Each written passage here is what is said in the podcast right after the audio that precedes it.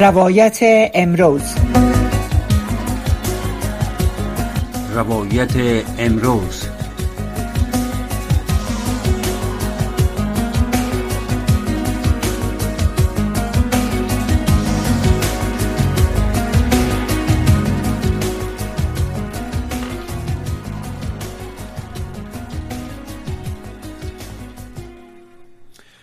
شنوندگان گرامی رادیو آشنا صدای امریکا سلام با برنامه روایت امروز خوش آمدید.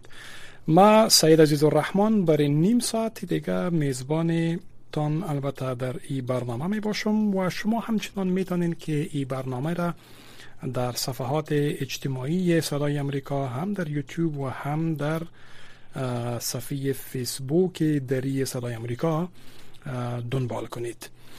امروز دفتر هیئت معاونت سازمان ملل متحد برای افغانستان یا یوناما با توجه به افزایش حملات تروریستی در شمار از ولایات با شمول کابل علیه شیعیان و ها خواستار تدابیر بیشتر برای حفاظت از آنان شد.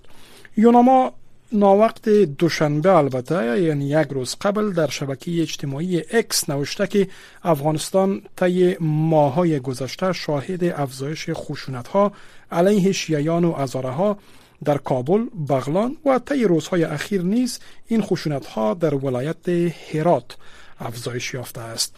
البته بحث برنامه امشب ما در مورد امی موضوع است و شما نیز می توانید که در صفحه فیسبوک پیام هایتان را با ما یا سوالاتی که دارین با ما مطرح کنین تا این سوالات و نظریاتتان را از مهمانان برنامه جویا شویم. در این برنامه دو میمان داریم علی جان فسیحی عضو جامعه مدنی در افغانستان و فعلا مقیم در کانادا می باشه و همچنان دکتر محمد آشم دانش تحلیلگر امور سیاسی و نظامی هستند که از ترکیه در لین با ماستن با اردو مهمانان گرامی برنامه خود خوش آمدید میگم. امیدوار هستم که صدای مرا و صدای برنامه را داشته باشین. تشکر شما. صدای شما رو داریم. بسیار زیاد تشکر. آقای دانش انشالله که در خط هستین. فکر می‌کنم که آقای دانش تا هنوز در خط نیستن با ما ولی کوشش می‌کنیم که آقای دانش هم در خط داشته باشیم. به هر صورت آقای علی جان فسیحی برنامه را از سوال با شما آغاز می‌کنم. شما به عنوان فعال مدنی شاید بیشتر با جامعه شیعه و هزاره در افغانستان در تماس باشید. در شرایط کنونی نگرانی عمده ای اقلیت چیست؟ تشکر شما و سلام خدمت شما و تمامی شنوندگان عزیز که صدای ما را همه کنون دارن.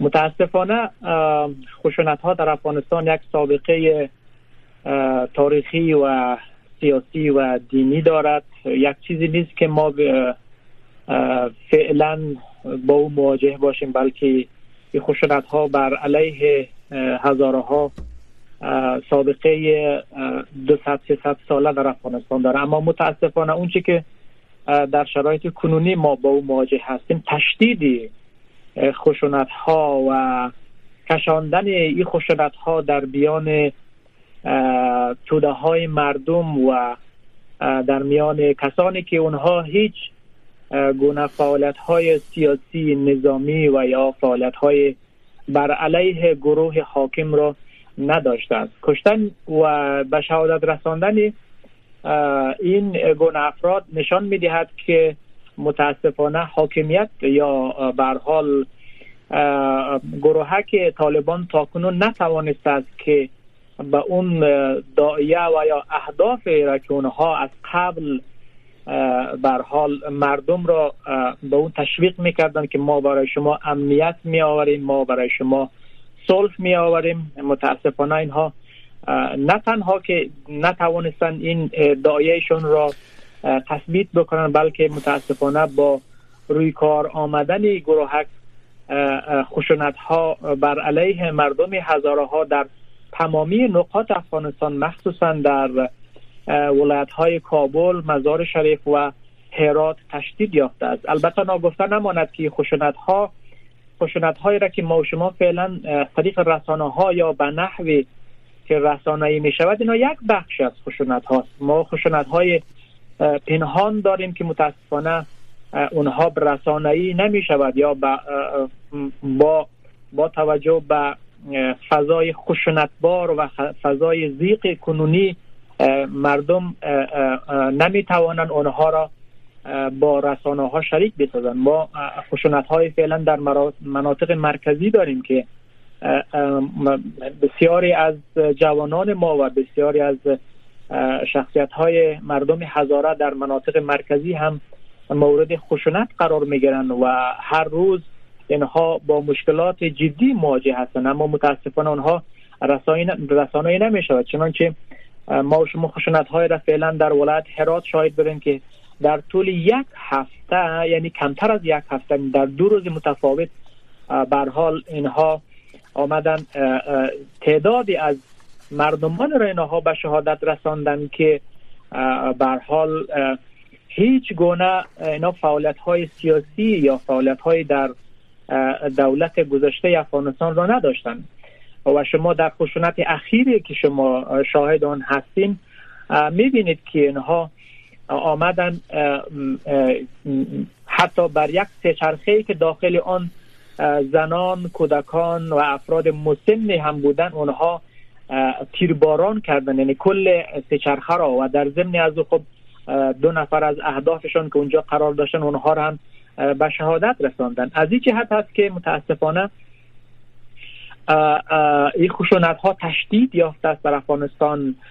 ای که عوامل خشونت کجا هست و چه کسی باعث این خشونت ها میشه؟ یک بحث بعدی است که ما در خدمت شما هستیم.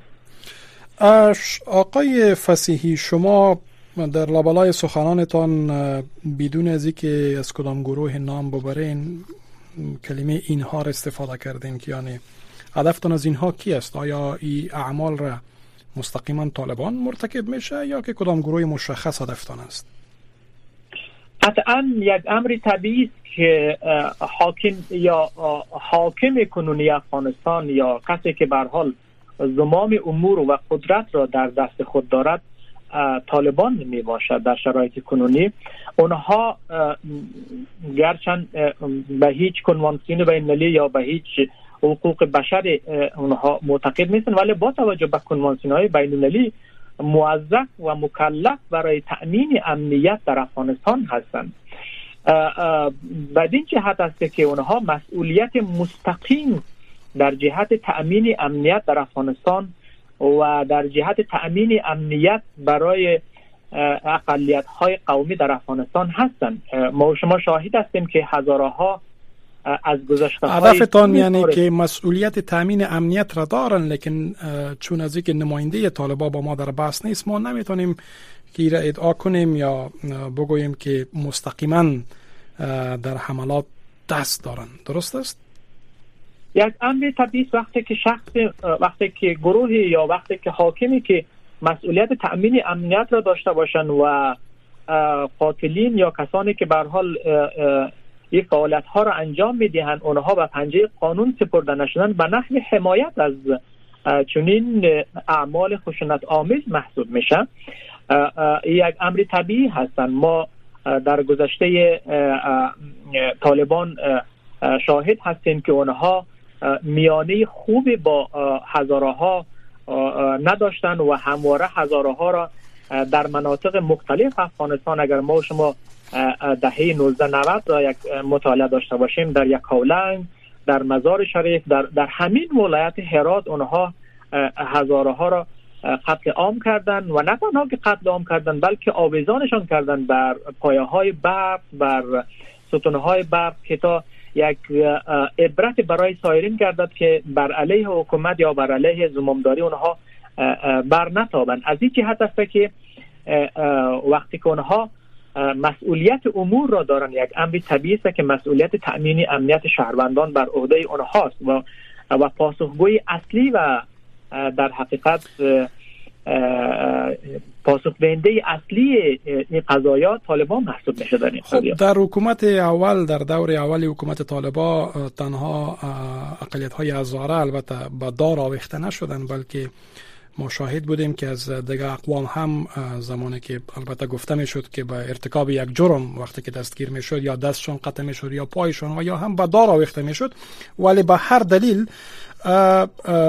به هر صورت البته به نظر شما دلیل از که شما میگین که طالبان در برابر اقلیت هزاره به خصوص چون این اعمال را در گذشته مرتکب شده و یا ای که گویا که فعلا توجه زیاد نمی‌کنه دلیل از چی بوده می‌تونه؟ آیا اختلاف مذهبی است یا است که چیز دیگه است؟ سوال خوبی هست. شما اشاره کردین که به حال در گذشته تاریخی طالبان نه تنها که مردمان هزاره مورد خشونت قرار گرفتن بلکه سایر اقوام هم مورد خشونت قرار گرفتن. اما شما در صحبتهایتان اشاره کردن که به حال وقتی یک جرم را مرتکب میشن. ولی ما وقتی که گذشته خشونت بار طالبان بر علیه هزاره ها در افغانستان را مورد بررسی قرار بدیم وقتی که ما بحث قزل آباد را مطرح بکنیم. در قزل آباد هیچ شخصی در اونجا مرتکب کدام جرم و یا خیانتی نشده بودند. ولی اینها وارد قریه شدند و تمامی مردم را از یک دست اینها مورد قتل عام قرار دادن یا مثلا مورد یک اولنگ را در نظر بگیریم. در یک اولنگ اینها وارد قریه شدن و بدین از اینکه در نظر بگیرن که به حال کیا در مقابل اینها بودند یا هستند و یا اینکه کیا مرتکب جرم شدن و یا کیا نشدن اینها زن و بچه و مرد و کودک و پیر و جوان را مورد حمله قرار دادن. بنابراین با توجه به معلفه خشونت و, و با توجه به تعریف خشونت وقتی که ما شما خشونت اگر یک تعریفی داشته باشین وقتی که یک گروه یک اقلیت خاص را اونها مورد خشونت آمدانه قرار می‌دهد بدونی در نظر داشته کدام جرایم یا بدونی در نظر داشته کدام سابقه فعالیت های سیاسی یا نظامی این یک مشخص است و آشکار هست که اونها یک ضدیت و یا یک عمد خاص نسبت به این اقلیت دارن. از این جهت است که من فکر می‌کنم که یک بخشی از خشونت ها برمیگرده به همو افرادگری هایی که متاسفانه این گروه با او مواجه هستند. چون متاسفانه شما در دوران 20 سال گذشته افغانستان یکی از دلایلی که اینها بر حال بیشتر با اون به قتل عام مردم هزاره ها می پرداختن بحث مسائل مذهبی بودن که اونها می گفتن به حال اینها خونشان حلال هستند یا بر حال به یک نحو توجیه دینی می‌کردن.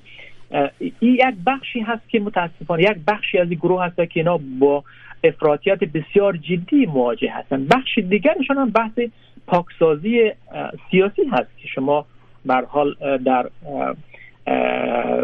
وضعیت فعلی افغانستان با او مواجه هستیم و می‌بینیم که در سیاست افغانستان یا در حاکمیت کنونی افغانستان اقوام دیگر بخصوص مردمان هزاره کاملا پاکسازی گردیده است و اونها را هر روز کارمندهای پایین رتبه را هر روز اونها را مجبور می‌کنن که تا از کارشان استعفا بدهند یا اینکه بر حال در, در مسائل کلان حکومت داره که متاسفانه هیچ فهمی برای قوم خاص نداده است و در حتی در مسائل پایینی اگر ما شما در نظر بگیریم اونا هر روز اینها را مجبور می‌کنن که تا بر حال وارد حکومت نشن یا اینکه از حکومت استعفا بدن. از این جهت است که این دو بحث بحث بسیار جدی است که پاکسازی سیاسی و بحث افرادگرایی دینی در بین اینها.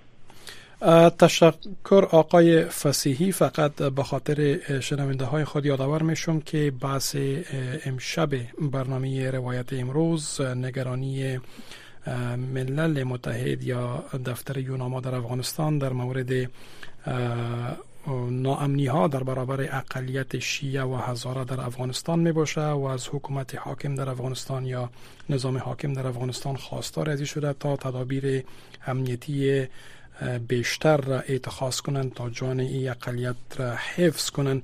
در برنامه امشب دو مهمان داریم علی جان فسیحی عضو جامعه مدنی در افغانستان که فعلا مقیم هستم در کانادا و خوشبختانه مهمان دوم ما محمد آشم دانش تحلیلگر امور سیاسی و نظامی را از ترکیه در خط داریم. همکارانم برای میگن که موفق شدیم تا آقای دانش را هم در برنامه با خود داشته باشیم.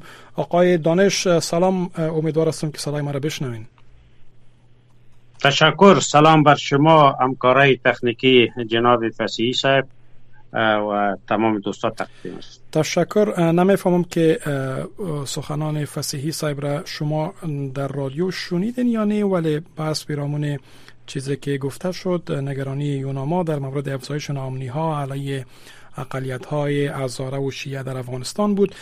سوال را که ما آقای دانش از شما دارم است که در طول 20 سال ما شاهد عملات در برابر اقلیت شیعه و هزاره در افغانستان بودیم و در, در, در طول دو سال گذشته که طالبان قدرت را دوباره گرفتن شاخه خراسان گروه داعش عملات را انجام دادن و ادعای مسئولیت را هم کردن.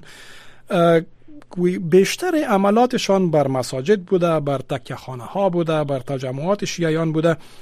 به نظر شما از نقطه نظر نظامی اگر شما ای را بر ما به تحلیل بگین که چرا طالبا تا کنون نتوانستند که تهدید داعش را به صفر برسانند؟ اگرچه حکومت ایالات متحده رسما را گفته در اواخر که طالبان مبارزهشان در برابر داعش موفق بوده ولی حملات گذشته را که در کابل صورت گرفته یا در دیگر ولایات دلیلش چی بوده می‌تونه که طالبان نتونستن این گروه را مهار کنه؟ تشکر سلام مجدد.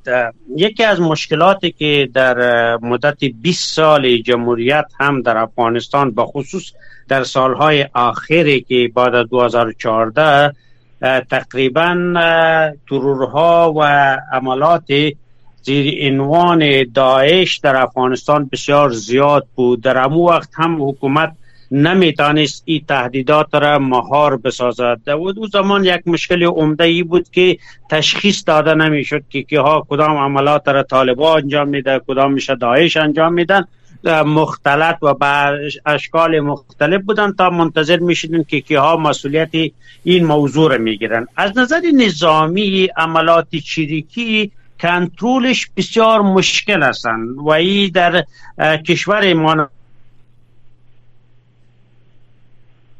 در هر فرد و هر فامیل و خانواده به شکل اشکال به سلاح و اینا سر و کار دارن. این امر بسیار مشکل است. ولی با آن هم تفسیرهایی که میشن که والا طالبا عملا این عملات را انجام میدن می‌خواه که زیر عنوان داعش چنین نیست. به خاطر از که هیچ حکومتی که با, با وصفی که طالبا را هیچ کس بر صفت حکومت بر رسمیت نمی‌شناسن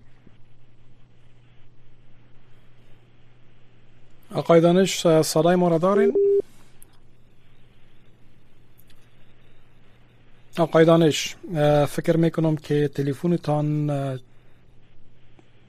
قطع شده. به هر صورت آقای دانش میشنوین؟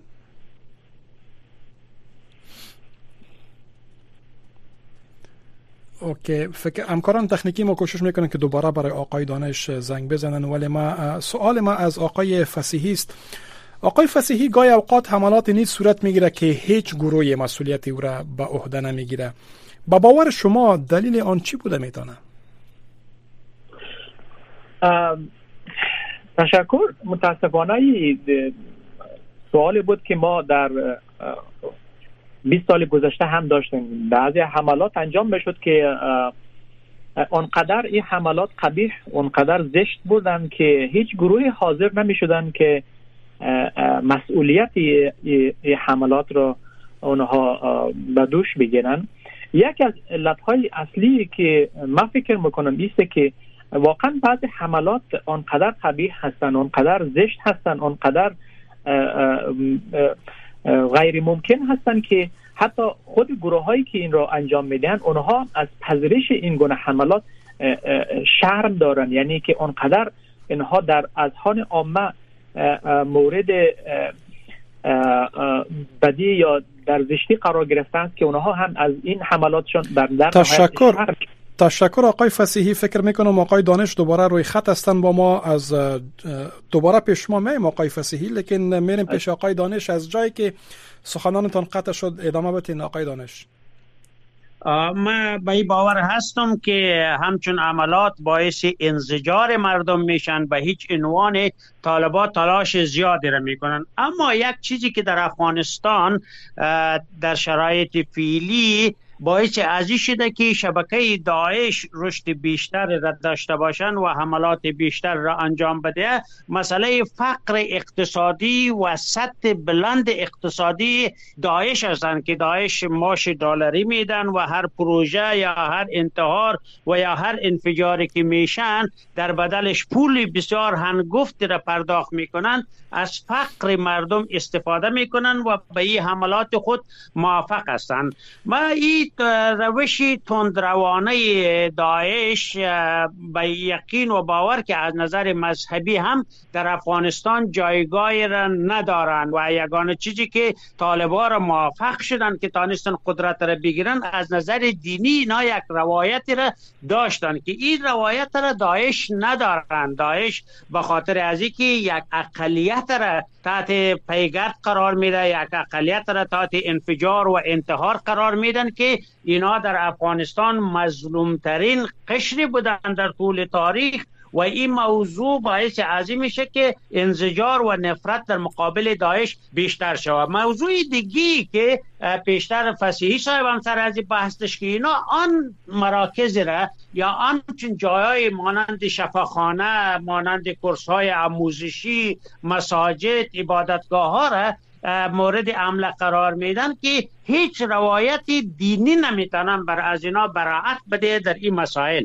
بنابراین این عملات یک پیشینه بسیار دیرینه در افغانستان دارن مدت تقریبا 20 سال میشن و این عملات چریکی است که حکومت طالبا را به چالش روبرو کردن با وصف اینکه استخبارات طالبا بسیار قوی است. اما یک چیزی که در این اواخر یک مقدار فاصله ای که مردم از حکومت طالبا مبنی بر سیاست های نادرستش گرفتن به خصوص در قشر اهل تشیع ارتباطاتشان یک مقدار ضعیف هستند. و این ضعف باعث عدم امکاری های مردم باعث ازی شده که حملات در اواخر هنوز هم شدت پیدا کنه. در آقای دانش تشکر قبلا از آقای فسیحی ایره پرسیدم که بعض حملات یا واقعات صورت می‌گیره که هیچ گروه مسئولیت از رو نمیپذیره. و آقای فسیحی به این باور بود که دلیلشی بوده می‌تونه؟ که چون این حملات تا گاهی اوقات تا حد زشت و تند است که خود گروهی که انجام داده از مسئولیتش صرف نظر می‌کنه.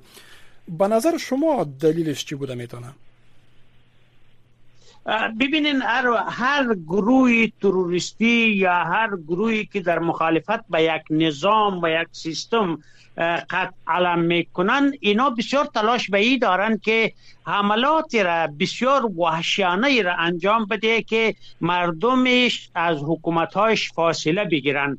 و در این شرایط فعلی که یک مناسبات بسیار وخیم و حاد بین پاکستان و طالبا وجود دارند و داعش هم از آن طرف مرز صادر میشه به این طرف ها بنابر آن می‌تونن که دست استخبارات کشورها هم در دخیل باشند که تلاش بسیار زیاد را بکنن که در حکومت پاکستان وارد کردن و ادعایشان است که پایگاه تی تی پی در افغانستان است و از این طرف مرز می عملیات در پاکستان بالمقابل پاکستان همکاری های را داشته باشند به داعش و این عملیات خونین را در همچون مناطق انجام بده که باعث برافروختن انزجار مردم بشود در مقابل حکومت. این مسائل اکثر وقتا گروپ های تروریستی کارا را می‌کنند. آقای دانش جامعه جهانی تا کنون حکومت طالبان را به رسمیت نشناخته و اتفاق چنین حملات یا ناامنی ها در برابر مردم افغانستان به خصوص اقلیت های شیعه و هزاره تا چه حد می‌تونه که ذهنیت جامعه جهانی را در برابر طالبان بیشتر خدشدار بسازه؟ تمامی ای که راپورهای جهانی را که ما شما به او سر و کار داریم می‌خوانیم و می‌بینیم جامعه جهانی از عملکرد طالبا در مقابل داعش راضی به نظر می‌رسند به خصوص کشور ایران را شما دیدین که در کنفرانس مسکو به سراحت در مقابل مخالفین طالب از طالبا خستن و یگانه چیزی دلیلی را هم که پیش کردن مبارزه قاطع طالبا در مقابل داعش بودن. و شما مصاحبه های خلیلزاد را میشنوین که تقریبا نماینده امریکا هستند به شکل غیر مستقیم فعلا اما رضایت ایالات متحده امریکا را وانمود می‌کنند. بنابر آن جامعه جهانی بر همچون مسائل واقف هستند که این مسائل اتفاقاتی هست که در یک کشور جنگ زده طبیعی است و این می‌تونه وجود داشته باشد. پاکستان با همو فوج و همو استخباراتش در مقابل تی تی پی به زانو در آمدن نمی‌تونن حملاتش مهار بسازن. با همو سابقه تاریخی استخباراتی و ارتشی که در منطقه بودن مطرح بودن و با هندوستان رقابت می‌کردن. اونا به مشکلات روبروز طالبا یک حکومت نوپای نو تشکیلی که هنوز هم بر جغرافیای افغانستان مسلط کامل تسلط کامل استخباراتی ندارن طبیعی است. و این مسئله سر روند شناسایی طالبا تاثیراتی ندارد. نظر به مسائل دیگی که عدم مشروعیت ملی حکومت طالباست بستن دروازه های به روی دخترها پانتون ها عدم شمولیت زنان در کارها و عدم پانته است که جهان را یک مقدار به تشویش انداخته که طالبا یک حکومت انحصاری است که فقط به محور خود می‌خواهد حکومت را تشکیل بده. کسی دیگه را جایگاه را نمیده. او تشویش ها جهانی است اما داعش نمی‌تونن چون طالبا عملات و حرکاتی که می‌کنه قاطع هستند در مقابل داعش. تشکر. آقای فسیحی پیش از که شما پیش شما بیایم فقط یک سال دیگه از آقای دانش دارم که وظیفه مردم به خاطر تامین امنیت چیست؟ همکار وظیفه مردم در طول تاریخ از نظر نظامی شما می‌فهمین که یک نظام به امکاری های مردم اشد ضرورت دارند به خصوص در چوکات استخبارات و استخبارات ستون فقرات یک نظام هستند. اگر استخبارات قوی وجود داشته باشند امنیت و صورت می‌تونه استخبارات موافق باشه که مردم همکاری داشته باشند و مردم بتانند به دولت همکار باشند و این موضوع بر طالبا بسیار اهمیت دارند که در روی کرد خود نسبت به مردم و شمولیت مردم در حکومت نارضایتی مردم به خاطر حکومت هم شمول و بستن دروازه مکاتب بر روی دخترها و پانتونها این نارضایتی مردم را از بین ببره تغییراتی به وجود بیاره که بتانند همکاری بیشتر مردم در بخش استخبارات و اطلاعی وجود داشته باشه تشکر آقای دانش. آقای فسیحی به خاطر تامین امنیت امور رقمی که آقای دانش اشاره کردن بزرگان شیعه به خاطر تامین امنیت خود چی کارهایی را کردن؟ آیا با طالبان در این مورد در تماس شدن یا نه؟ اطلاعات شما چی است؟ تشکر شما. هزارها در افغانستان همواره در طول تاریخ همکار با تمامی دولت ها بودند. و هیچ گونه اینها دست به اسلحه و دست به ناامنی ها در طول حکومت ها نزدن. در شرایط کنونی هم تنها خواسته که هزارها از حاکم کنونی افغانستان داره تأمین امنیت هستند اونها اونها به دسترسی به هیچ گونه اسلحه دسترسی به هیچ گونه بر حال فعالیت های تنظیمی که برخلاف تأمین امنیت باشن تا کنون دست نداده همواره هزارها یک شهروندان مدنی و شهروندان صلحجو در افغانستان بوده و خواهد بود. اما در مورد بعض صحبت هایی که در این آقای فسیحی کوتاه که وقت برنامه تقریبا به پایان رسیده فقط چند ثانیه مونده ولی به هر صورت انشاءالله که در بحث های بعدی امرای شما صحبت خواهیم کرد. همکارای اشاره می‌کنن که وقت به پایان رسیده. از شما علی جان فسیحی و از شما آقای دانش زردو مهمانان گرامی خود سپاس می‌کنم. سپاسگزار هستیم. تشکر از اینکه در برنامه با ما بودین. انشاءالله که تا برنامه بعد.